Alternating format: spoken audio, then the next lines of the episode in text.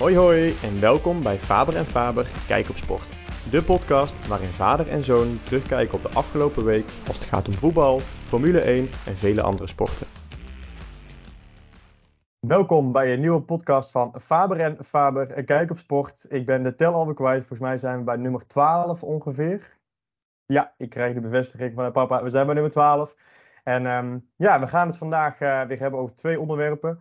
Um, kort even beginnen over voetbal. En we eindigen hem uh, met een uh, wat uitgebreidere analyse van de eerste seizoenshelft van de, Formule 1. Daar hebben we het al lang niet over gehad. Dus daar mogen we weer eens een keertje even op, op terugblikken. En een klein beetje vooruitblikken. Maar ten eerste het voetbal. Um, vorig weekend was de Otte Innovation Cup. Met de nadruk op innovation. Nou papa, jij bent daar de eerste dag op de vrijdag geweest. Wat, wat vond je daarvan? En ze testen heel veel nieuwe spelregels vanuit de KNVB. Hoe is dat uh, jou bevallen? Wat was jouw ja, indruk daarvan? Ja, nou even voor de luisteraars. de Otten Cup, dat, is in, dat was de 73ste Otten Cup. En dat was meneer Otten, die in 1946, hij was toen directeur van Philips, heeft toen zeg maar voor de jeugd, heeft hij een toernooi ja, ingezet om zeg maar ja, het jeugdvoetbal verder te enthousiasmeren bij PSV. En toen is de Otter Cup eh, begonnen. En dat is zeg maar, uh, nou, met de corona is hij niet geweest. Drie jaar niet. Want het was, de laatste was 2019. En nu de 73ste in 2013. Um, ehm, en er komen echt uh, ja, een gerenommeerd uh, jeugdvoetbaltoernooi voor spelers onder 19 jaar. En we zijn er samen, volgens mij Thomas, in 2015 geweest. Ja. En het is op de vrijdag, zaterdag en zondag. En uh, ik ben er vrijdag weer uh, naartoe geweest. Uh, vorige week vrijdag was dat. En op het, de hertgang, ja, een prachtig complex is dat toch van PSV. En daar wordt dan gespeeld op twee velden. En twee pools zijn er. En een team uit, uit Brazilië, Red Bull Brabantino, Brabantino. Dan was er Anderlecht, Utrecht, Manchester United, Kopenhagen, PSV, ja, toch echt een mooie clubs allemaal. Nou, ik en een Koreaans uh, team nog. Wat zeg je? Een Koreaans team was er ook. En een Koreaans team, ja. Uh, Park Lee, die daar uh, gespeeld heeft. En die ja. zit daar in de leiding. En hij was onder andere vorig jaar weer even op bezoek bij PSV. En zo is die connectie ook begonnen. En volgens mij heeft, heeft, heeft men ook een, een soort overeenkomst, alliantie met, met, met die voetbalclub. En dat team was inderdaad ook Jon Boek. Zoiets heet, dat, heette ja. dat team. En uh, ik heb, uh, smiddags heb ik eerst gekeken naar, oh ja, en de Rangers waren er ook. De tegenstander van PSV in de ja. voorronde van de Champions League. Uh, de eerste wedstrijd heb ik gekeken, Rangers tegen Anderlecht, de eerste helft. Waarbij toch een veel beter Anderlecht. Het, werd, het, was toen nog 0-0, uiteindelijk werd het dan 4-0. En toen ben ik daarna zeg maar naar Red Bull tegen Utrecht gaan kijken. Een stevige, grote jongens, goed voetballend vermogen van de Brazilianen. Maar wat het interessante was, en daar wil ik het graag even over hebben, dat is dat men uh, weer ging experimenteren met uh, nieuwe reglementen. Um, zuivere speeltijd heeft men gehanteerd. Ze hebben twee keer 25 minuten uh, gespeeld. Zuivere speeltijd. Dus ook de klok werd stilgezet bij een vrije trap of ja, een opstootje of whatever dat was, of een blessurebehandeling. Werd de klok echt stilgezet. Dat was doorlopend wisselen. Dus het was echt uh, à la het hockey en het ijshockey, noem maar op. Gewoon, uh, ja, je kon maar door blijven wisselen. Daar werd ook zeg maar goed uh, gebruik van gemaakt, met name ook door PSV. Dat was Van Duiven. die werd zo nu en dan gewoon ingebracht omdat hij goed is met vrije trappen. Maar ook dat het een grote jongen is. Dus ook bij corners werd hij ingebracht. Dus PSV maakte er echt driftig gebruik van. Dan had je de tijdstraf bij een gele kaart. Dus een gele kaart was ook gelijk, uh, net zoals ook weer bij het, uh, het hockey, waar men volgens mij de groene kaart krijgt. Ja, dat, uh, dat je gewoon op de strafbankje moet. het was hier vijf minuten en ik hoorde een van de spelers, goede regel, maar vijf minuten op 25 minuten zuivere speeltijd was misschien wel iets aan de vele kant. Dus misschien had dat iets minder gekund, twee of drie minuten, maar op zich een goede regel. Um, dan bij een inworp was het niet de inwerp vanuit, uh, ja, vanuit je nek, hè, zeg maar, maar gewoon uh, indribbelen. Of ja. gewoon een intrap. Dus als bijvoorbeeld de inworp was vlakbij de cornervlag, ja, dan werd het als het ware een soort halve corner werd het. Ehm, en ook uh, het, de zelfpas bij een vrije trap. Dus een vrije trap, die kun je gewoon een tikje zelf naar voren en je kan gewoon zelf door blijven voetballen. Dat zie je ook bij het hockey. Hè? Dus je kan een paas, paasje kan je naar jezelf zetten en dan gewoon weer, ja, weer doorvoetballen. Dat brengt met name ook de snelheid in het spel. Dus je zag ook de intensiteit echt veel meer omhoog gaan. Dus het was ook, ook, dat, dat, ja, ook met name zo'n zo'n inworp. Ja, dat is je kan wel gaan zeuren met een inworp. Ja, het is niet goed of wat dan ook. Nee, die, die, die andere gast heeft die inworp al genomen door hem in te dribbelen. Snap je? Je pakt die bal en hop, daar ga je al. Dus je hebt ook geen tijd om, ja, om zeg maar eh, te protesteren of wat dan ook. Het, het is veel sneller.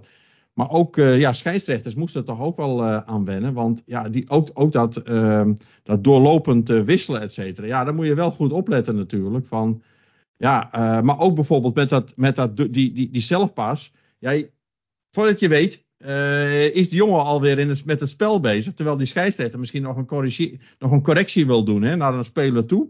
Ja, daar heeft hij bij spreken niet de tijd voor. Want die speler heeft die, die vrije trap alweer genomen. Dus hij moet aan de voorkant ook heel erg duidelijk zijn van ja, wacht even op mij. Of uh, ja, ik, bij sommige posities, op sommige gevallen wil ik gewoon even dat het spel toch even stilgelegd wordt. Want ik wil toch even iets zeggen tegen die speler die die vrije trap veroorzaakt heeft.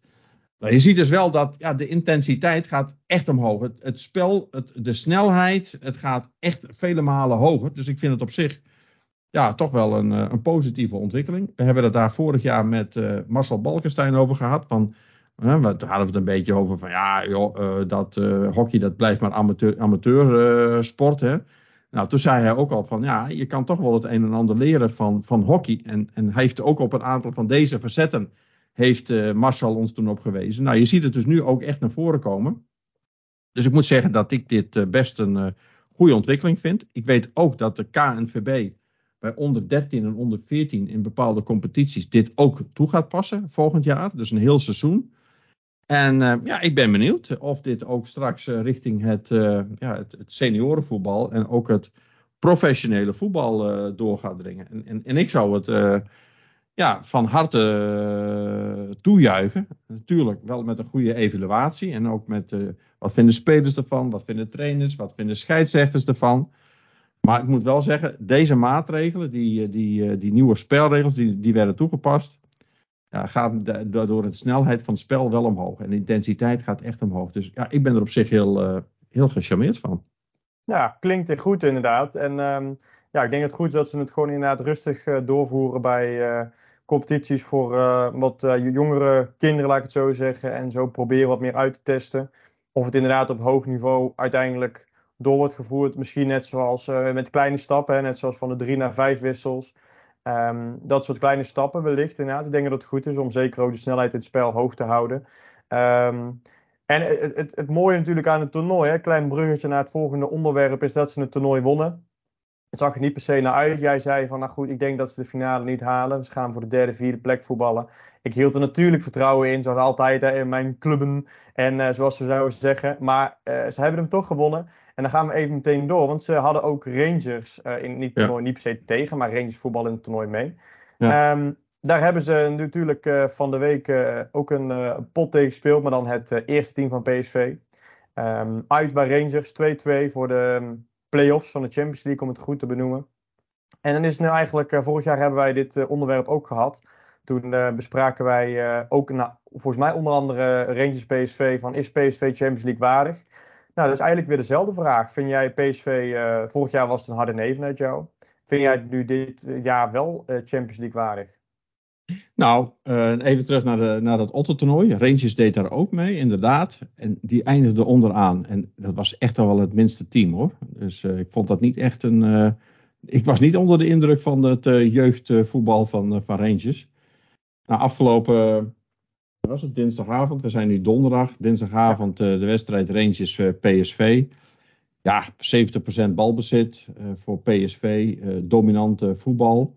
Ja, toch die achterhoede van PSV, die vind ik dus niet Champions League waardig. Daarmee gaan ze echt onderuit. Daar zakken ze echt mee door de ondergrens. Dan, dan, hebben we het wel even, dan moeten we het wel even duidelijk hebben over. Ik vind een bepaalde facetten van. Ik vind bijvoorbeeld een Boskagli vind ik niet dramatisch. Hè? Die, die, die, met een goede man naast hem is het dan een stuk um, Nou, maar ik ben, nog niet, ik ben nog niet klaar. Hè? Dus ik, nee, oké, maar ik wil wel dat je duidelijk, dat, dat het duidelijk is. Het is, het is één, ja, we weten allemaal op wie we duiden. Het is op Ramaljo. Ja, ja dat klopt.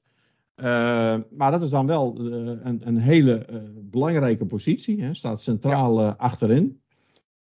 Ja, die vond ik dus gewoon niet goed. Je ziet gewoon, en, en ook die tweede goal. Ja, daar wordt toch echt die hele achterhoede wordt echt ja, uitgespeeld. Ik vond dat niet goed. Champions League waardig. Nou, ik moet zeggen, ze hebben goede aankopen gedaan met Noah Lang. Dat is denk ik echt een jongen die, die extra voetbal brengt. Zoals dat vorig jaar met Simons was. Um, ik moet zeggen dat Jeddy Schouten vind ik ook een goede voetballer. Deed niet mee. Ja, die viel het laatst nog in. Maar ja, dat was de laatste, wat was het, vijf minuten, zes minuten. nou, die zal ook wel zeker het een en ander brengen. Joey Veerman is zeker gegroeid. En ja. Ehm, ja, wat ik echt Champions League waardig vind, is gewoon de coach. Peter Bos, ik vind dat echt een Champions League waardige coach. Ook hoe die, wat hij uitstraalt. Maar ook hoe hij teams in de rust nog een keer om kan zetten, tactisch. En daardoor het, ook het spel kan, uh, kan kantelen. Ik vind dat echt een, ja, een, een, echt een Champions League waardige trainer. Dat kon ik nog niet van Ruud van Nistelrooy zeggen.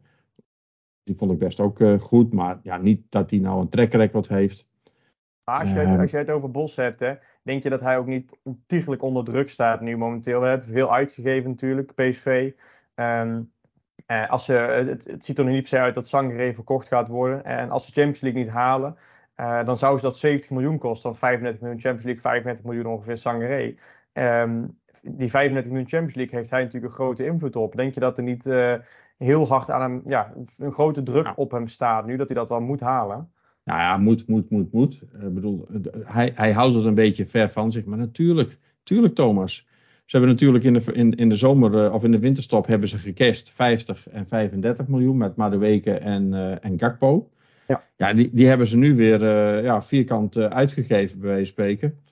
En ja, als zij inderdaad geen Champions League halen, maar dit is ook een stukje ondernemersrisico natuurlijk. Want Tuurlijk, ja. halen ze bijvoorbeeld niet de Champions League, maar eindigen ze het jaar wel bij de eerste twee dan zijn ze volgend jaar wel van Champions League uh, gegarandeerd. En daar, daar kijken ze natuurlijk ook naar. Dus het is soms ook je nek uitsteken. Dat hebben ze vorig jaar dus niet gedaan. Ze hebben vorig jaar zijn ze, hebben ze de handrem aangetrokken. Nou, toen zijn ze met, ik moet zeggen, toch wel met wat, uh, ja, uh, nou, geluk wil ik niet zeggen, maar het was kantje boord. Hè? Anders waren ze niet tweede geworden, maar kantje boord. Dat was dat Ajax helemaal onderuit ging. Ja, ze goed. Um, ja. ja, dus ook een stukje risico nemen, ondernemersrisico. Inderdaad, ze lopen een risico. Uh, als zij en niet verkopen en ze halen deze Champions League niet. Ja, dat scheelt je. Champions League is 20 miljoen. Dat is normaal 40 miljoen instromen. Maar bij de Europa League is het 20 miljoen. Dus het scheelt 20 miljoen euro. Ja. En een Sangare 35 miljoen. Ja, ja, die willen ze natuurlijk ook wel graag verkopen. Ja, dat, dat snap ik helemaal. Ja, ik um, denk... Maar ja, als je het niet doet. Ja. Uh, weet je ook, als ze het niet gedaan hadden, waren ze zeker niet doorgekomen in de Champions League. Nu hebben ze nog een kans. Dus het is gewoon een ondernemersrisico. Ja, nee, en, ik, ben, ik ben het al Ja, en Sangare, ja, weet je, daar zullen ze toch wel uh, van afkomen. Is het niet nu, dan is het wel in de winterstop of wat dan ook. En uh, ja, als je nooit je nek uitsteekt, weet je in ieder geval dat het uh, ja, allemaal een beetje stuk in de middel is, zoals dat in, in, in de strategische jargon zeggen. En dan kom je er ook niet. En dat was vorig seizoen, moet ik zeggen, stuk in de middel. Dat ze er gewoon niet, ja, het was geen hom of geen kuit. En, en nu hebben ze bewust gekozen ja, om, om de aanval in te zetten met, uh, ja, met goede spelers. Ook Nederlandse spelers, wat mij zeer bevalt.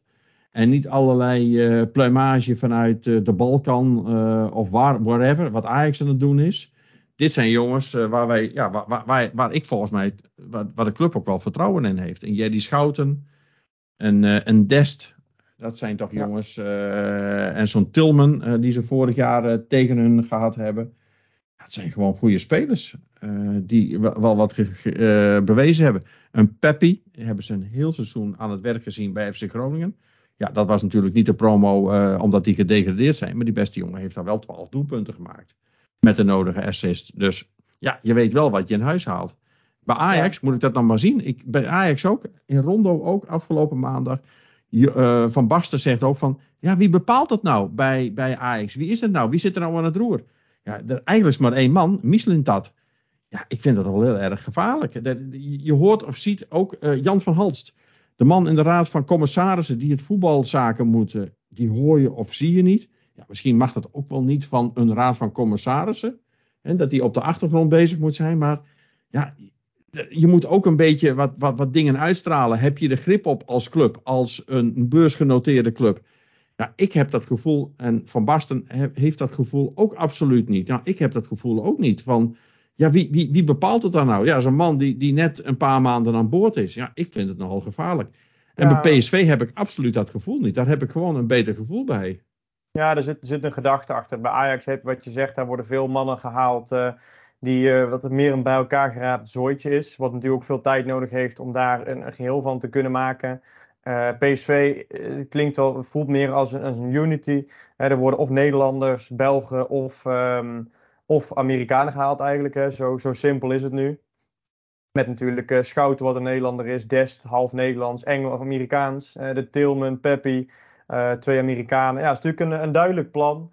Um, ze gooien ook niet meteen het hele team om. Alhoewel ik wel heb, hè, wat je net zegt ook. Ik denk wel dat een Jerry Schouten het beter zou doen op het middenveld dan een Sangaré. Ik denk ook dat hij de toekomst meer is voor PSV dan dat Sangaré is. Ik vind ook dat hij daar meer hoort te staan.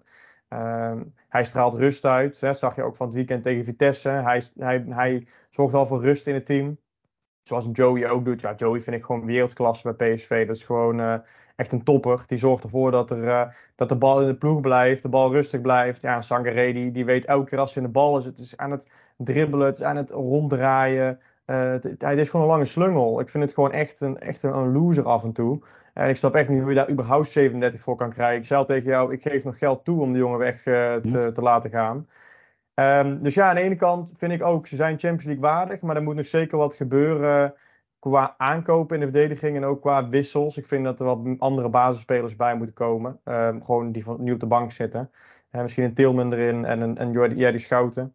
Overigens, kleine laatste kanttekening. Ze hebben gisteren ook tegen Monaco gevoetbald. Ik weet niet of je daar iets van gehoord had.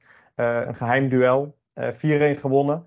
Maar uh, een hattrick van Peppi. hij speelde geweldig. Jedi Schouten weer als laatste man. Niet dat dat zijn positie is. Maar uh, het was een goed elftal, goed voetbal hebben ze op de mat gelegd. Dus uh, ja, er waren allemaal wisselspelers. Um, dus dat heeft ook al wat laten zien dat ook de wisselspelers um, ja, een goede pot voetbal op de mat kunnen leggen. Dus uh, ja, ze hebben, een, ze hebben ook een goede bank. Dat hadden ze vorig jaar ook niet. Dus ik denk dat ze in dat opzicht gewoon um, een breed elftal hebben, een goed elftal. Nou. Ja, het is alleen even winnen van Rangers thuis en niet ja, 1-0 nou. Laten we afsluiten. Ik denk dat ze dicht tegen Champions League waardig aanzitten. Ja, zeker. Ik ook. Dan uh, sluiten we inderdaad hierbij af. Het uh, stukje voetbal. Gaan we naar de Formule 1. Want um, ja, we hebben daar al uh, een rit of 12 gehad. Race of 12. En um, we hebben een zomerstop momenteel bijna afgerond. We hebben vier weken eventjes niks gehad. En komend weekend, over ja, morgen begint het weer, het grote festijn in Zandvoort. Met de Grand Prix van Zandvoort. Maar uh, voordat we daar aan toe zijn, uh, wil ik het met jou nog even hebben over uh, ja, die eerste seizoenshelft. En kort als einde ook even vooruitkijken naar het volgende gedeelte van het seizoen. Um, er zijn een aantal dingen die mij op zijn gevallen in, dit eerste helft van het, in de eerste helft van het seizoen. Is um, onder andere de track limits. Daar viel mij op, voornamelijk in Oostenrijk. Hè. Um, er waren in de race uh, meer dan 1200 momenten die de. Misschien kun je voor de luisteraars even uitleggen de track limits, wat dat precies is. Zeker, ga ik doen inderdaad. Ga ik zeker doen. Ik kan alleen zeggen, er waren 1200 momenten in Oostenrijk waar, de, um, waar ze als de stewards naar hebben moeten kijken. En wat zijn die track limits? is eigenlijk gewoon, je hebt eh, twee witte lijnen waar je binnen moet racen, waar het asfalt ligt. En als je met vier banden buiten de witte lijn komt, maakt niet uit waar het is, nou op een rechtstuk is, in een bocht. Um, als je helemaal buiten komt, dan heb je, ja, heb je een track limit. Dan heb je dus buiten de limieten van de track ben je geweest. Um, ben je er drie keer buiten geweest, krijg je volgens mij een uh, zwart-wit geblokte uh, vlag voor uh, een waarschuwing. Um, ga je er nog een keer buiten voor de vierde keer, dan krijg je een, een straf van vijf seconden. Nou, zo loopt het op. Elke keer als je dan nog een keer buiten gaat, krijg je een extra straf tot aan drive-through penalties. En uiteindelijk na een keer of zeven, acht krijg je een disqualificatie zelfs. Maar uh, in Oostenrijk waren dus uh, flink wat momenten. Uh, meerdere momenten dit jaar dat bijvoorbeeld Perez wel eens een keer Q3 niet, of Q, Q3 niet eens doorgekomen is met de kwalificatie. Omdat hij überhaupt al een tracklimit had. Ehm, ja, wat, wat vind je daarvan? heb jij daar zoiets van, wat, wat zou jij daar tegen doen? Zou je daar een, iets tegen opperen, zoals een muur neerzetten daar, of uh, grind in die bocht leggen, of een grasmat? Wat, wat zou jij daar als beste oplossing voor zien? Nou, ik weet ook, je hebt het nu over Oostenrijk. Ik, ik ken ik circuits niet helemaal uit mijn hoofd, maar ik weet ook dat op bepaalde banen wat, het wel heel vaak gebeurt. Ja. En misschien is het ook wel zo dat je misschien die banen, ook misschien het natuurlijk verloop, misschien wel iets aan moet passen. Hè? Dus dat het ook geen tracklimit meer wordt, maar dat die baan dan misschien wat verruimd wordt. Hè? Dus dat het ook wat natuurlijker is dat je daar wat een wijdere bocht rijdt. Hè? Dus dat kan ik me voorstellen. Dus ik wil niet zeggen bij iedere tracklimit, maar ik weet gewoon dat er bepaalde uh, circuits zijn waar het gewoon frequent voorkomt. Nou, daar zou ik zeggen van pas nou dan die baan aan. Dat dat ook gewoon logischer is dat je daar ook dan geen tracklimits meer rijdt. Bij andere banen waar het voorkomt, uh, waarbij bepaalde uh, coureurs gewoon voordeel halen. Hè, ja, dan zou ik zeggen, ga terug naar de ouderwetse grindbak daarnaast. En dan laat je het wel. Snap je? Dan laat je het wel om daar een voordeel te halen door daar wat ruimer door die bocht heen te gaan. Doordat je dat echt specifiek met bewust doet om voordeel te halen. Ja, dan zeg ik van, ja, pak maar gewoon een grindbak. Uh, een muur, ja, uh, is weer gevaarlijk. Dus dat is weer niet bevorderlijk voor de veiligheid van de Formule 1, wat ze, wat ze altijd nastreven. Dus ja, ik zou zeggen van, uh, pak daar maar de grindbak. En voor circuits waar het heel vaak voorkomt bij iedere uh, coureur, ja, probeer daar het circuit gewoon wat aan te passen. En dat het een wat meer natuurlijke uh, flow krijgt, uh, die bochten waar die tracklimits normaal gebeuren. Dat, dat zou mijn voorstel zijn. Ja, nee, ik, ik, ik heb hetzelfde. Ik, Max heeft bijvoorbeeld dat weekend ook nog geopperd om de lijnen wat volgens mij dikker te maken. Qua de breedte van de lijn wat te verbreden, omdat de coureur blijkbaar heel lastig ook kan zien um, waar de lijn nou ligt. Omdat ze in zo'n snelle bocht zitten. Dat is voor mij in Oostenrijk zo'n snelle bochtencombinatie, bocht 19. Um, ehm, daar, daarvoor is er gewoon uh, ja, het zicht een beetje op die lijn, waardoor ze ook niet wisten of ze er nou overheen waren of niet. Blijkbaar als je dus die lijn wat dikker zou maken, dan zien ze het beter. Voelen ze het beter misschien, ik weet niet. Maar ik denk zelf ook, hè, een ouderwets grindbakje of een uh, grasmatje.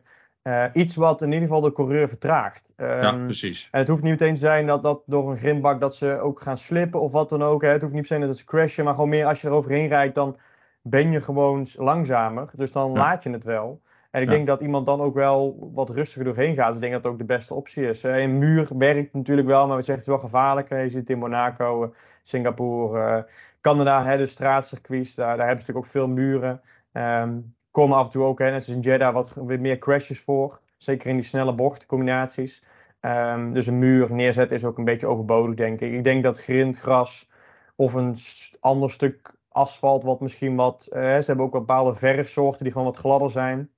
En dan blijven ze er wel vanaf. Want als je erop komt, dan is het gewoon of je bent je auto kwijt in dat, of je hebt gewoon wat uh, snelheidsverlies. Dus ik denk dat het inderdaad de beste optie is.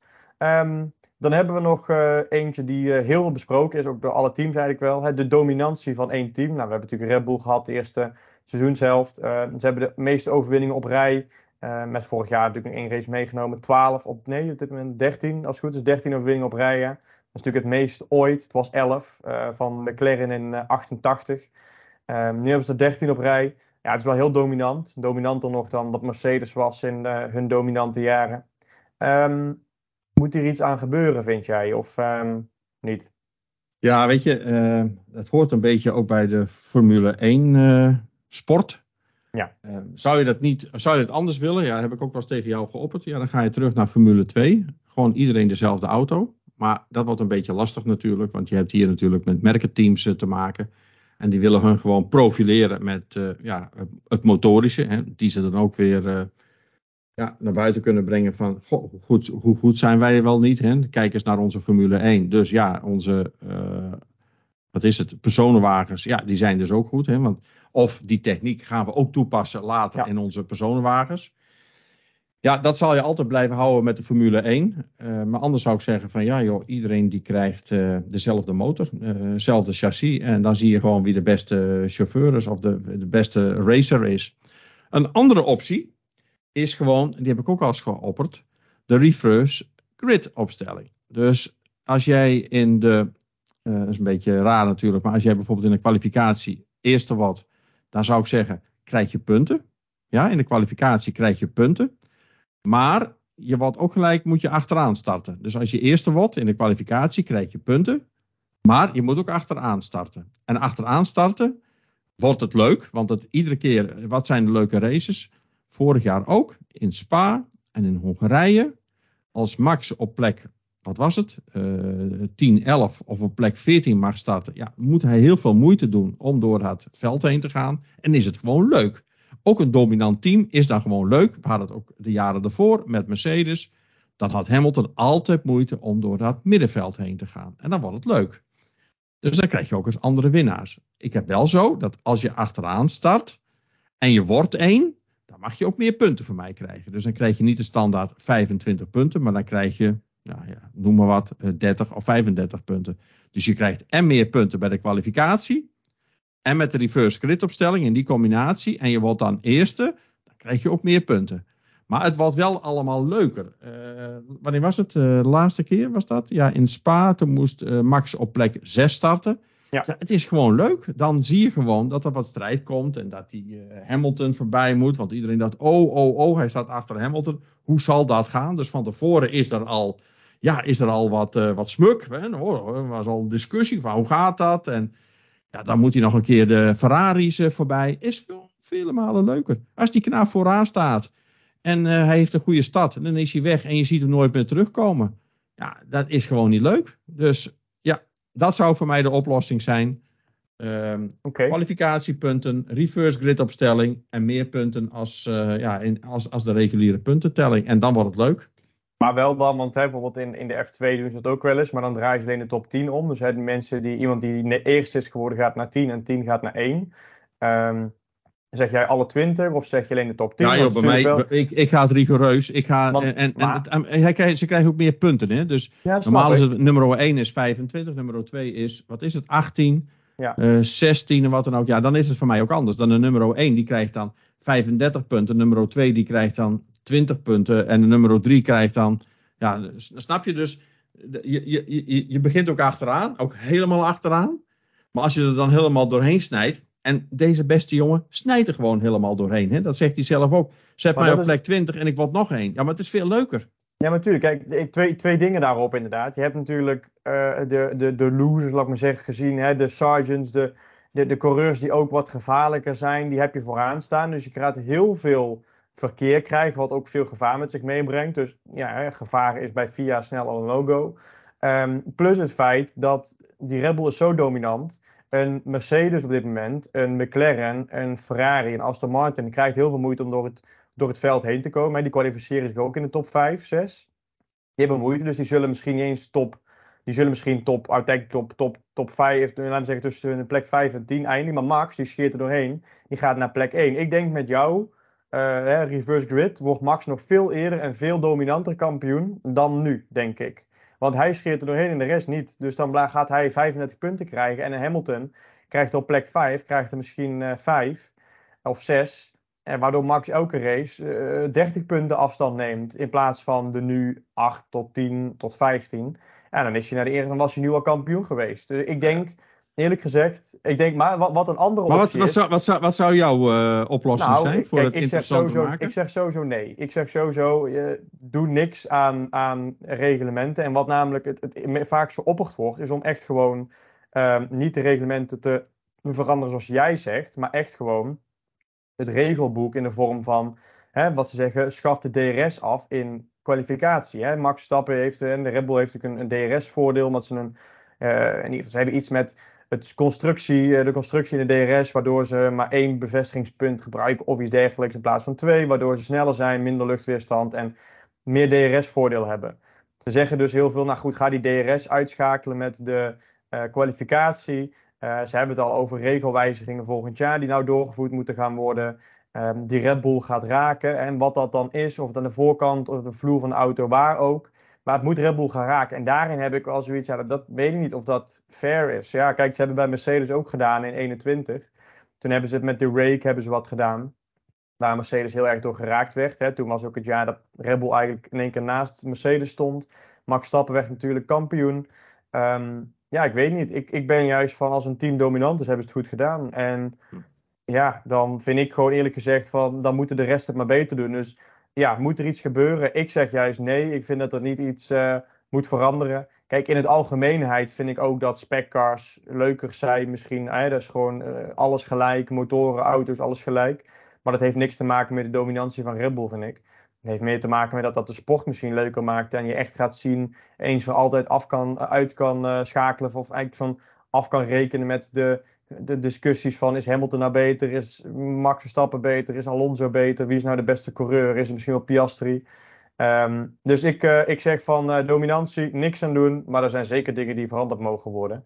Um, het laatste wat me ook opgevallen is dit, uh, ja, dit seizoen, de eerste seizoenshelft, is dat er meer sprintraces zijn geweest. Er zijn er dit jaar zes. We hebben er op dit moment volgens mij drie gehad. En um, ja, wat, wat vind je daarvan? Heb jij zoiets van, hey, doe mij dit elk weekend maar, of ehm, minder, of misschien wel meer, maar niet elk weekend? Wat, wat is jouw oordeel daarover?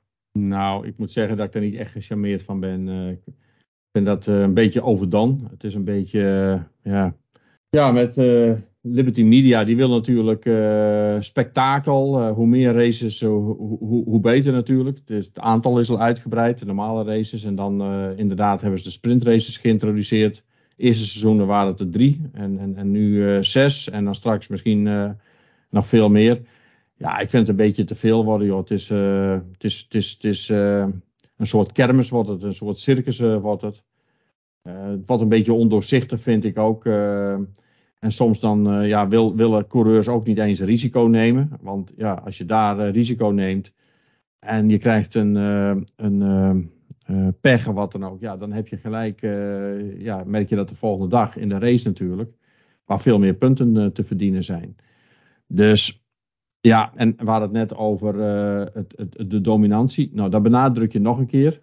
door het nog een keer te vermenigvuldigen, die dominantie. Door ook nog eens een keer sprintraces.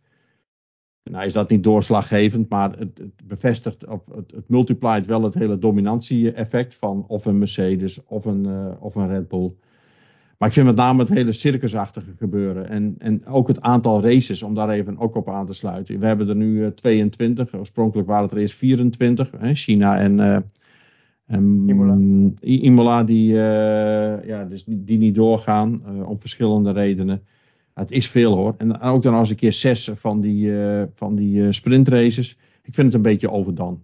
Voor, voor de coureurs, engineers, maar ook voor de kijkers. Mensen haken een bepaald moment af. En ook dan als het nog eens een keer saai is. Dus ik denk niet dat dat bevorderlijk is. Je zou zeggen, hoe meer, hoe beter. Maar in dit geval ja, beperk jezelf ook in het aantal races. En dan blijft het ook mooi, denk ik. Ja, ik, denk, ik ben het met je eens. Ik, denk, ik denk dat het voor de mensen op het circuit alleen maar beter is. En leuker natuurlijk, want die zijn er vaak toch het hele weekend al. Je hebt meer actie, uh, je ziet meer gebeuren. Kijk, komend weekend Zandvoort, je bent natuurlijk zaterdag, vrijdag, zaterdag is het... Um, ja, je bent voornamelijk aan het kijken naar, uh, naar trainingen. Zeker op de vrijdag. Na zaterdag kwalificatie dan en zondag een race. Ja, met, met het sprintweekend heb je natuurlijk wel vrijdag al actie. Zaterdag twee keer goede actie. Zondag nog een keer de race. Dus je ziet meer, maar ja, het merendeel van mensen kijkt natuurlijk op tv. En ik vind het ook wel altijd veel. Ik wil zelf graag alles kijken. Ik vind dat leuk. Maar ja, met sprintweekenden mocht het wel erg veel. Uh, Oostenrijk en Spa kwamen natuurlijk redelijk snel achter elkaar. Eerste seizoenshelft, wat allebei een sprintraceweekend was. Um, waar je op vrijdagavond al vaak dan weer zit. Dus zaterdagochtend, zaterdagmiddag, zesavond en ook nog zondagmiddag. Ja, dat is wel erg veel. En um, ja, het breekt ook gewoon je dagen zo op, het weekend. Ik vind het wel, um, ja, voor mij betreft hoeft het ook allemaal niet. Ik heb ook zoiets van, uh, doe maar lekker gewoon uh, het originele. Uh, een beetje spelen met de kwalificatie vind ik dan af en toe wel leuk. Hè? Misschien toch wel eens een keer een one-lap shootout, dat soort dingen proberen. Dat vind ik prima. Maar als het echt om het, om het weekend gaat, um, vind ik gewoon één kwalificatie en een race. Dat, daar mag het bij houden en mag het bij blijven. Dus dat, nou goed, dan hebben we daar in ieder geval even onze mening over losgelaten. Misschien luisteren ze wel en leggen ze hier en daar een grindbakkie. Gaan ze misschien wel minder sprintraces doen en gaan we wel eens een keer een reverse grid krijgen als ze eens een keer naar Faber en Faber luisteren. Um, goed, ik had ook nog een aantal coureurs die me al op zijn gevallen in die eerste seizoenshelft. Um, die wil ik even tegenover elkaar zetten en waarvan jij zegt, even heel kort, hoef je niet lang over te, zijn. Uh, wie we de beste vinden. De eerste duo is uh, een uh, duo binnen een team, is Ocon Gasly. Wie vind jij eigenlijk de beste van de twee geweest in die eerste helft? Oeh, ja, ik vind het zeer wisselend. ik moet zeggen dat Ocon de meest constante is. En, en Gasly heeft een aantal pieken, maar heel veel dalen. Ik vind Gasly echt tegenvallen. Ehm, dus uh, Ocon vind ik de, de gemiddelde beste van die twee. Terwijl misschien in potentie Gasly wel de beste is, maar dat heeft hij nog niet laten zien. Ja, ben ik het mee eens. En Ocon heeft natuurlijk zijn derde plek behaald in, uh, in Monaco. Een goede, um, goede race. Ik moet zeggen, Ocon heeft ook wel zeker zijn mindere weekenden. Um, hè, wat je zegt nu van hè, Gasly is wat, wat wisselvalliger. Over het algemeen is Gasly volgens mij dit seizoen juist wat steadier. Alleen hij is nooit steady heel hoog. En Ocon heeft vaak wat uitschieters, uh, maar ook vaak wat uitschieters naar beneden. Uh, Gasly is heel saai. Dus ik ben ook van meer Ocon, vind ik beter. Um, ook meegenomen dat Gasly natuurlijk nooit hele grote tegenstanders heeft gehad met Yuki de laatste jaren. En um, nou een keer tegen een echt goede vind ik niet dat hij er per se uh, echt bovenuit steekt. Uh, de volgende is Piastri tegen Albon. Twee andere team. natuurlijk Albon in de Williams. Laat veel goede dingen zien in quali. En Piastri in het begin eigenlijk in zijn tractor van de McLaren heel weinig. Maar nou ze best leuk doen, doet hij leuk mee soms wat langzamer dan Norris. Maar ja, wat, wat vind je ervan? Wie vind je van die twee het beste in de eerste seizoenshelft? Ja, nou weet je, het zijn, uh, ze, ze, rijden in twee heel verschillende auto's. Hè. McLaren, uh, waar met name de laatste, wat is het, vier races veel potentie in zit. Uh, waarbij ze ook regelmatig op het podium staan. Maar Albon vind ik echt verrassen hoor, in die Williams. wat hij daar toch uithaalt. dus ehm, ja, ik vind het moeilijk, echt moeilijk te vergelijken, die twee. Misschien is Piastri qua uh, leeftijd wel misschien wel de meest uh, veelbelovende. Maar ik heb toch het meest respect voor, uh, voor Albon, wat hij presteert in die Williams. Uh, en dat hij toch met een regelmaat in de top 10 rijdt. Of in ieder geval ook met, met kwalificaties. Dat hij niet altijd in de Q, Q1 wordt uitgeschakeld, maar vaak ook de Q2 haalt. Um, ook in wedstrijden, hoe die dan meestrijdt. Uh, dus ja, ik heb toch wel de meeste, dus ook zeg maar strijd en, en, en, en niet alleen maar kwaliteit, maar ook zijn strijd. Uh, en hoe die ervoor gaat, ja, heb ik toch de meeste uh, warme gevoelens bij, bij Albon. Ja, ik ben het daar met je eens. Ik vind Piastri, ze zeggen wel eens hij is al beter dan Norris. Ik vind, moet eerlijk zeggen, ik vind Norris toch nog echt wel een paar klassen beter. Uh, Norris heeft het hele seizoen wel redelijk goed gepresteerd, ook uh, al was die McLaren heel slecht. Ik vind Piastri nou de McLaren wat beter gaat doen, komt hij ook wat beter bovendrijven. Maar daarin vind ik dus Albon, die heeft al heel het jaar ook al een slechte auto. En die staat heel het seizoen al mee bovenaan. Um, Albon heeft natuurlijk al wat meer jaren in de Formule 1 erop zitten. Piastri is nieuw, jong. Um, maar goed, Max was het eerste jaar ook nieuw en jong, reed ook in een slechte auto. Was jonger nog, net zo nieuw natuurlijk, slechte auto. Die reden meteen, uh, zat hij er bovenop. Eerste een paar races had hij meteen uh, top 10 uh, eh, startposities met kwalificatie. Ja, dan zie je toch wel een verschil. Dus ik heb bij Piastri zoiets van, hij doet het goed. Leuke coureur. Maar um, Albon vind ik echt wel dit, de eerste seizoen zelf toch wel een, een, een hoger punt krijgen. Maar, je mag, maar je mag geen één met Max Verstappen vergelijken, Thomas. Dat is gewoon niet eerlijk. Nee, klopt. Maar Piastri is wel zo gebracht ook ja. een beetje. Piastri is ja, wel gebracht okay. ook als een echt een, een, een talent à la uh, de Leclerc, à la de, de, ja. de, de, Max Verstappen, die werden allemaal op dezelfde, manier gebracht, laat ik het zo ja. zeggen. Uh, nee, je mag maar, niet her, her dokter Helmut Marco die zegt ook, Max Verstappen is een iemand, dat is iemand die, een coureur die eens in de 20 jaar voorbij komt. Ja, heb je dat is gelijk, wat, uh, en, en Marco heeft er verstand van. En dan praten we dus niet over uh, de Leclercs en de, en, de, en, de, en de Norris en wat dan ook. Dat is niet eens in de 20 jaar. Max is een type eens in de 20 jaar. Dat is, dat is een Messi, een Maradona. Dat is het uh, Pele, Cruyff. Dat is het niveau van, uh, van Messi. Ja, en wat eronder zit, dat zijn er misschien de Van Bastens.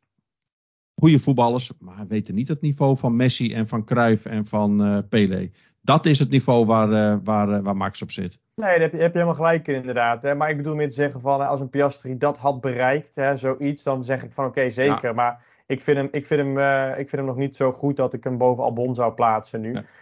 Uh, qua wat Albon in die Williams laat zien. Um, de volgende Leclerc tegen Sainz. Weer binnen een team een duo. Wie vind jij de beste? Ja.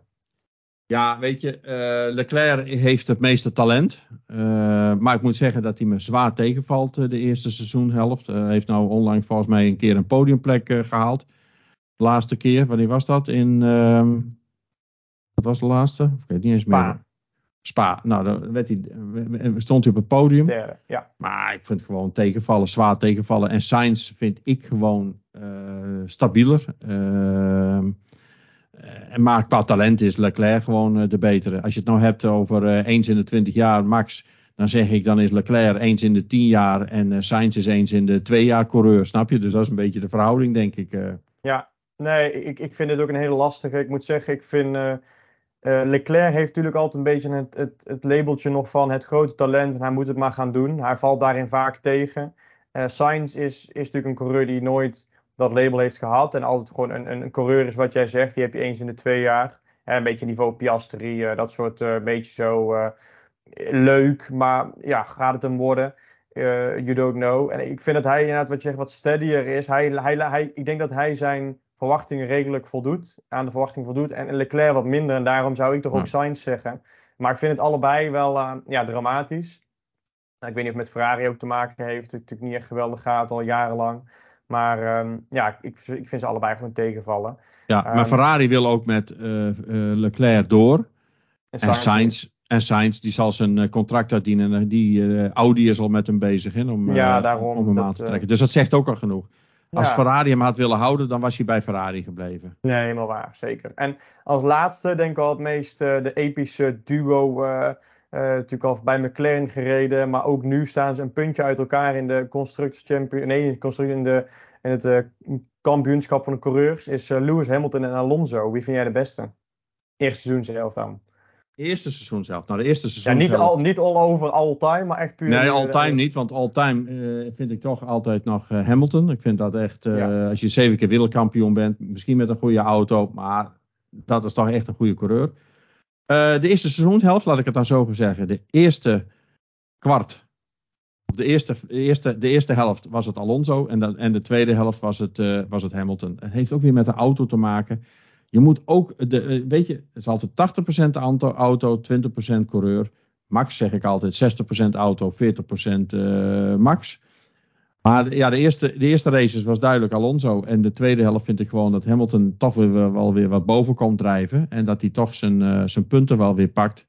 En ik denk ook aan het einde van het seizoen dat, dat, dat Hamilton ja, boven Alonso zal, zal eindigen. En het petje af, petje af voor Alonso, hoe die presteert. Uh, op wat is het, 41-jarige leeftijd. Ik heb het ook wel eens vaker tegen jou gezegd. Je moet zo snel zijn in je handelingen en tussen je brein en, en, en ja, zeg maar, met, met, je, met je handen, je, je knoppen aan het stuur, zeg maar. Ja, dat moet zo snel gaan. En ja, jonge mensen hebben dat gewoon, ja, die hebben dat gewoon veel sneller. Die kunnen net sneller schakelen. En daarom heb ik zoveel respect voor die Alonso. Want ja, misschien heeft hij dat iets minder, de fractie van een seconde minder. Maar dat compenseert hij weer door zijn, uh, zijn race-instinct en zijn ervaring. Dus ja, echt petje af voor, uh, voor Alonso. Kijk, en als je het hebt over de gunfactor, uh, ja, dan is het natuurlijk Alonso. dat, het blijft een fantastische persoon. En een echte, echte doorwinterde, prachtige coureur. ja, dat, dat is mijn antwoord. Oké, ja, nou, ik, ik, ben, uh, ik, ik ben het met je eens. Natuurlijk uh, een beetje Alonso eerst, toen Lewis. Um, maar ik heb toch overal eerst zelf dat ik Alonso beter vind. als je kijkt naar de inhaalactie die hij bijvoorbeeld maakte op Lewis. Volgens mij was het meteen al in Bahrein, de eerste race. Fantastische inhaalactie. Um, en ook dat hij de laatste race in, Spa um, eigenlijk zeer ja, onopvallend reizen. Volgens mij rond plekje 8, 9. En uiteindelijk weet je toch vijfde te eindigen vind ik gewoon heel knap. Hij weet toch inderdaad iets uit die auto te halen weer wat er niet per se in zit. Uh, kijken naar Stroll natuurlijk, die ook niet per se het niveau aan kan van die auto, maar die finisht structureel veel lager. Um, vind ik Alonso toch wel inderdaad echt een tovenaar. En wat je ook zegt, die leeftijd, alles meegenomen, vind ik gewoon dat hij um, ja, fantastisch, uh, het fantastisch doet. En het natuurlijk, blijft natuurlijk ook gewoon een hele uh, toffe gozer inderdaad, met een goede gunfactor. Ja. Um, maar dan vind ik het nog knapper je zegt hij blijft ten opzichte van Stroll. Daarom vind ik het nog knapper dat Hamilton zo voorblijft op een nog groter talent, Russell. Nee, ja, maar, maar, ik moet eerlijk zeggen ook, vanaf Monaco dat die auto is veranderd van uh, Mercedes, weet hij vaak niet eens Q3 te halen. Hij valt in Q1 of Q2 af, Russell. In de race doet hij het leuk, maar ik vind Russell niet wat hij is geweest vorig jaar, bijvoorbeeld of in de eerste races. Ja. Um, dus daarin vind ik Russell juist wat tegenvallen, wat Lewis wat minder tegenstand heeft. Maar goed, we kunnen het nooit vergelijken met Stroll, want dat is echt een drama. Ja. Um, goed, dan hebben we nog uiteindelijk een paar kleine dingetjes. We hebben natuurlijk een uh, tweede seizoenshelft. Tien races zijn nog te gaan. Volgens mij ronden we het af in, in 14 weken tijd. Dus we hebben veel races achter elkaar. Um, als we even vooruit kijken. McLaren ging de laatste races lekker. Wat verwacht je daarvan? Uh, even kort uh, in, het, in de komende 10 races. Zetten ze door? Blijven ze gelijk? Vlakken ze af? wat denk jij? Nou, weet je, die hebben een jump gemaakt. wat was het? Vier races geleden zo hebben ze een jump gemaakt met, met die upgrades. Ja, ik, ik denk dat dat gewoon uh, die teams, die, als zodra ze met upgrades komen, dan gaat iemand weer een sprongetje maken. En dan uh, zo'n Aston Martin, ja, die begon sterk aan het seizoen. En die ziet gewoon en Mercedes en, en McLaren hun voorbij gaan door die upgrades. Ja, ik, ik denk dat het steeds. Ik, ik vind het lastig om dat te zien in de, in de rest van het seizoen. Het zal wel stuivertje wisselen worden. Ik, ik vind dat moeilijk. Eén ding weet ik wel. Red Bull is constant. Zal die bovenaan blijven. Die hebben zo'n grote voorsprong. Die zullen straks bij wijze spreken wel weer snel afschakelen. En, en hun gaan richten op het uh, nieuwe seizoen. Maar joh, die vinden het prima. Want die hebben zo'n voorsprong. Uh, en ik denk ook niet dat ze erop uit zijn om alle races goed te willen winnen. Ik denk dat die weer gewoon vooruitkijken en zeggen van nou ja, dan, dan winnen we een raceje maar niet. Dat deed Mercedes ook altijd in een, in een dominante. Kijk, als ze kunnen winnen, zullen ze winnen. Maar het zal niet ten koste van alles gaan. Maar okay. ik denk dat die er wel gewoon uh, ver boven komen. En uh, ze staan nu al, uh, ja, al, al, al, al een keer zoveel punten voor als op de nummer 2. dus ja, met twee vingers in de neus worden die kampioen. Oké, okay, nou leuk dat je van McLaren naar Red Bull gaat inderdaad. Um, je benoemde al kort even Aston Martin. Denk je eerder dat McLaren met Mercedes gaat stuivertje wisselen? Zal Aston Martin daar nog bij komen? Hè? Die zijn natuurlijk afgezwakt. Uh, wie gaan er stuivertje wisselen, denk nou, je? Ik denk, ik, ik, ik denk uiteindelijk uh, dat het toch wel weer een beetje zo zal. Uh, het einde van het seizoen 1 Red Bull, 2 Mercedes, 3. Ja, nou laten we zo zeggen. Plek 3, ik, ik, dat wordt Ferrari, McLaren, Aston Martin. Eén van die drie. Oké. Nou, dat zal dus dan, dan, als daaruit haal ik uit op dat McLaren met Mercedes gaat stuivertje wisselen. Want dan moet McLaren namelijk nog veel punten pakken. Want die staan natuurlijk wel een punt of. Uh, ja, met Mercedes wel twee, hè, zeg ik. Dus, uh, ja, maar, met... ik bedoel met stuivertje wisselen in de vorm van met, met, met wie wordt tweede en derde en vierde in de race. Zal McLaren daar toch wel. Uh, nou ja, die moet inderdaad nog wat punten bijhalen richting Aston Martin. Maar ik, ik denk uiteindelijk dat om plek drie zal het Ferrari, Aston Martin en, en McLaren, die zullen erom vechten. Om die plek Oké. Okay. En um, wanneer denk jij dat uh, Max uh, kampioen gaat worden? Ja, we hebben net even zitten te filosoferen. Volgens mij zal het een wedstrijd of uh, vijf, zes van tevoren zijn. Dus dat zal in. we hadden het Japan, Qatar, Amerika. Amerika. Nou, in die range zal het zijn. En dat zal eerder in. ik, ik denk persoonlijk in Qatar. Ik denk dat Japan net aan de vroege kant komt. Vorig jaar werd hij het in, in Japan. Maar Japan zit nu twee races eerder dan ten opzichte van het vorige seizoen. Dus dat moeten de luisteraars wel goed beseffen. Ik denk dat uh, vorige keer werd hij vijf races van tevoren. Ik denk dat hij nu zes races van tevoren uh, kampioen gaat worden. Dus in, uh, in Qatar. Ik denk dat in Japan nu zeven races van tevoren. Dat zal net niet lukken, denk ik. Maar oké, okay, dat, dat is een beetje ja, koffiedik kijken. Maar hij wordt wel lang van tevoren wat hij kampioen ja. uh, voor het uh, seizoenseinde. Ik denk het ook. Hè. Misschien dat het uh, Japan wel zou kunnen worden. Zeker als um, hè, Zandvoort. we hebben krijgen Zandvoort waar moeilijk in te halen is. We krijgen ja. Singapore lastig in te halen. Um, ja, Monza ook wel gebleken dat het soms ook lastig in te halen is de afgelopen jaren. Uh, Perez niet altijd even goed in de quali. Misschien dat ja, toch wel uh, dat hij toch wel wat op plek 5, 6, 7, 8 gaat starten. En niet naar voren kan. En Max veel uit kan lopen. Zal het zomaar kunnen dat, uh, dat hij toch al in, in Suzuka kampioen wordt. We gaan het zien. Maar ik denk ook Suzuka, Qatar. Een van die twee zal het zijn. En um, ja, de laatste twee hebben we natuurlijk al een klein beetje over gehad. Hè. Ricciardo, wat, wat verwacht je daar nog van? Denk je dat hij het goed gaat doen? Uh, nog in de Alfa Tauri, uh, ja, van Yuki? Hetzelfde als dit, wat, wat hij nu doet. ja, het blijft een auto die niet, voor, niet, niet vooruit te branden is. Uh, Dat zal rond plek 15, 13, daar, daar zal het zitten. Ik denk geen punten. Ik zie hem, ja, misschien eens een keer per ongeluk een punt of twee punten pakken. Maar dat zal tussen plek 11 en, en 16 zitten, denk ik. nou, dan vind ik het al een hele prestatie wat hij dan levert. En uh, wat uiteindelijk dit alles wat gaat dit voor Perez betekenen. Hè? De, de, Mercedes en McLaren die gaan strijden. Natuurlijk ook wel mede voor plek 2, plek 3 in de race. Uh, uh, goede kwalificaties. Max die natuurlijk snel kampioen is. En Ricciardo die misschien goed in de Alfa Tauri presteert. Ehm, wat betekent dit voor Perez? Ja, die, die, dat is een Toto die nog loopt, Thomas. Waar eindigt ja. Ricciardo? Hè? Waar, waar, staat hij volgend jaar in? Jij zegt Red Bull, ik zeg gewoon Alfa Tauri. En, en dat blijkt ook wel uh, en, ja, ik lees behoorlijk veel dingen op internet. En uh, onlangs las ik weer dat het wel duidelijk was dat uh, volgend seizoen onze vriend Perez gewoon weer in de Red Bull start. Dus ik blijf er gewoon bij. Ik, ik denk dat onze Ricciardo niet zo zal flitsen zal zijn in deze tweede seizoenshelft. Dat hij daardoor en mede daardoor in die Red Bull volgend jaar gaat starten. Dat geloof ik niet. Ik denk dat hij blij mag zijn dat hij volgend jaar weer in de Alfa Tauri stapt. En dat die Alfa Tauri eindelijk eens een keer een stuk beter gaat presteren. Want dat is het grote manco. Oké, nou, uh, ik, uh, ik denk inderdaad dat het, Perez natuurlijk wel kan schaden. Heel misschien dat hij zelfs nog wel zijn tweede plek verliest. ik zou het, ja, ik mag het bijna niet zeggen, maar ik zou het mooi vinden. Ik vind Perez af en toe wel een beetje een schreeuwertje. grote praatjes, vullen geen gaatjes met zijn, met zijn hyperactieve papa naast de zijnlijn. Um, moet ik zeggen dat het soms wel even goed is om even een tik op de vingers te geven. Dat hij inderdaad een tweede plek niet eens weet te behouden. Um, het kan zomaar zijn natuurlijk hè, met teams die op de, ook de hielen komen van, van Red Bull op een gegeven moment. Red Bull stopt een beetje met ontwikkelen natuurlijk. We hebben het Horner ook wel gezegd van nou goed, uh, we gaan minder ontwikkelen. Horner zei helemaal stoppen. Nou, volgens mij zei volgens mij Jonathan Weekly of wie dan ook zei nou we gaan minder ontwikkelen.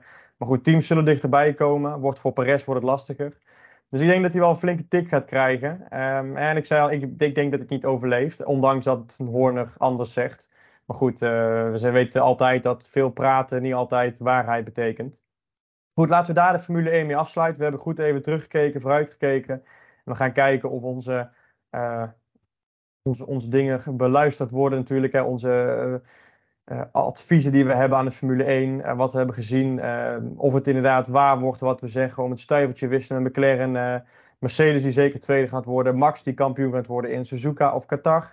We gaan het zien. En als nu gaan we nog even naar de Toto toe. Want daar hadden we natuurlijk nog een aantal van openstaan. Die gesloten zijn sinds de laatste podcast. Ik stond achter volgens mij met een 8 of 9. Ja, 9, 10. Ja. Nou, we, hebben, uh, we hadden er drie staan van ja, al twee keer terug. Waar eindigt Ricciardo? Nou, die blijft dus nog openstaan. Ja. Haalt Max het record, die blijft ook nog even openstaan. Ja, wacht, we hadden Max de hoeveel die haalt. Jij zei 11, ja. ik zei 10. Dat was, ja, jij zei 10, ik zei 11 achterin volgende. Uh, gaat de voetballer Harry Kane weg bij Tottenham Hotspur, ja of nee? Ik zei nee en jij zei ja. Nou, die is uiteindelijk getransfereerd naar Bayern München een, ja. twee weken geleden. Dus dat is 10-10. Toen hadden we vorige week hadden we drie Toto staan. wie wordt wereldkampioen op de weg bij de heren, wielrennen. Jij zei Mathieu van der Poel, ik zei Wout van Aert. Het werd Mathieu van der Poel. Dus dat werd een ja. uh, 11-10 uh, voor jou. Heel mooi. De Johan Cruijffschaal, wie wint hem? Feyenoord of PSV? Ik zei Feyenoord, jij zei PSV. Heel goed, Thomas. 12-10. Um, ja, dus het uh, staat 12-10 nu. Met uh, nog twee toto's uh, open. Dus chapeau voor jou. Dankjewel. Um, nou, we hebben voor nu hebben we drie toto's. We gaan een uitstapje maken in de Premier League. Uh, dit weekend Newcastle United tegen Liverpool. Wie denk jij, ja, wat, wat denk jij in de toto-terminologie? Ja, Newcastle United is lekker bezig. Dus ik ga inderdaad voor een eentje, eentje in toto-terminologie. dus Newcastle gaat die wedstrijd winnen. Oké, okay, nou ik hou het op een drietje. Dus een ja. gelijk spelletje. Dan hebben we in de eredivisie uh, dit weekend koploper SC Heerenveen. Tegen uh, middenmotor Sparta uit Rotterdam. Wie denk jij uh, dat dat in toto-terminologie gaat worden? Nou, mijn, mijn, eerste club waar ik ooit voor heb gesupport, natuurlijk Heerenveen. Tot ik volgens mij 5, 6, 7 was inderdaad. En ik naar de mooiste club van het land ging, PSV. Ga ik natuurlijk voor mijn oude clubben Heerenveen. Oké. Nou, ik ga een 3 inzetten. En waarom? Omdat vorig jaar was het ook al zo'n wedstrijd. Dat was de openingswedstrijd. Heerenveen-Sparta werd toen 0-0. En uh, Sparta heeft nu de eerste wedstrijd uh, gewonnen. En vorige week, afgelopen zondag, speelden ze gelijk tegen Feyenoord. Na een 2-0 voorsprong. Dat is een stevig, leuk clubje. Dus daarom denk ik een drietje tussen Heerenveen en Sparta. Nou, dan maken we nog een uitstapje naar het tennis. Is ook weer volop bezig in aanloop naar de US Open. En we hebben een toto bedacht. Wie gaat aan het einde van het jaar de ATP-ranking aanvoeren? Wie is de... Einde van, einde van de US Open was het, hè? Oh, het einde van de US Open. prima.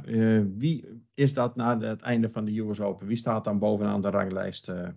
Nou, ik zei dus Alcaraz, dat ik besefte dat Alcaraz er vorig jaar won en nul punten kan winnen. Dus volgens mij, als, als, als Djokovic überhaupt al meedoet met het toernooi, heeft hij al nummer 1. Maar ik ga toch voor Alcaraz. Ik ga er gewoon voor en dan ga jij maar voor de jog. En ik ga voor de jog, zoals we dat ook al uh, hadden bediscussieerd. Ja, ik ga voor de Djokovic. Uh, dus heeft de afgelopen keer in Connecticut heeft hij hem ook verslagen, 2-1. Cincinnati, ja. Of was het Cincinnati? Uh, zei ik? Connecticut? Ja, in Cincinnati, Cincinnati, sorry. Ja. ja. Dus uh, ja, hebben we er weer uh, vijf in, in lopen. Ja, die andere twee die zullen we pas aan het einde van het seizoen echt weten. En dit zijn weer uitslagen die we hopelijk de komende weken. Want de US Open begint ook weer ergens, wat is het, begin september? die begint 28 augustus. Augustus. hij is al begonnen met de qualifiers, maar de eerste ronde ja. is 28 augustus. Oké, okay, nou dat was hij dan. Uh, ja, beste luisteraars, uh, een, een, een, een, een, een, een introductie met het voetbal en een uitgebreide terugblik op het Formule 1 seizoen met een vooruitblik naar de tweede seizoenshelft met ja. de races. bedankt voor het luisteren. En er was ook een, een vraag gekomen van een van de luisteraars omtrent wielrennen. Om, met name de Belgische wielrenners en rensters. Of die niet beter, uh, niet meer in een Nederlandse ploeg uh, kunnen acteren. En als ze daar buiten een Nederlandse ploeg, of ze dan niet succesvoller zijn. Nou, daar willen we graag in de volgende podcast op terugkomen. Om daar een ja. uitgebreid antwoord op te geven. Zeker, gaan we de volgende keer op terugkomen. En dan gaan we hem bij deze afsluiten. Dus als je nog andere vragen hebt, opmerkingen kun je altijd even een uh, appje, mailtje sturen naar uh, Faber en Faber. Uh, kijk op sport, gmail.com. Nou, appen naar onze nummers als je die hebt. onder de post op LinkedIn even een vraag stellen. Het kan overal.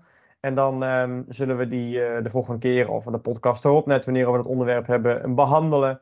een review, zoals ik al zei, wordt ook altijd gewaardeerd. geschreven op Apple Podcast. Um, of een 5 sterren review op Spotify. En dan hoor je ons de volgende keer weer. Nou, dan zou ik zeggen: doei doei! Doei doei!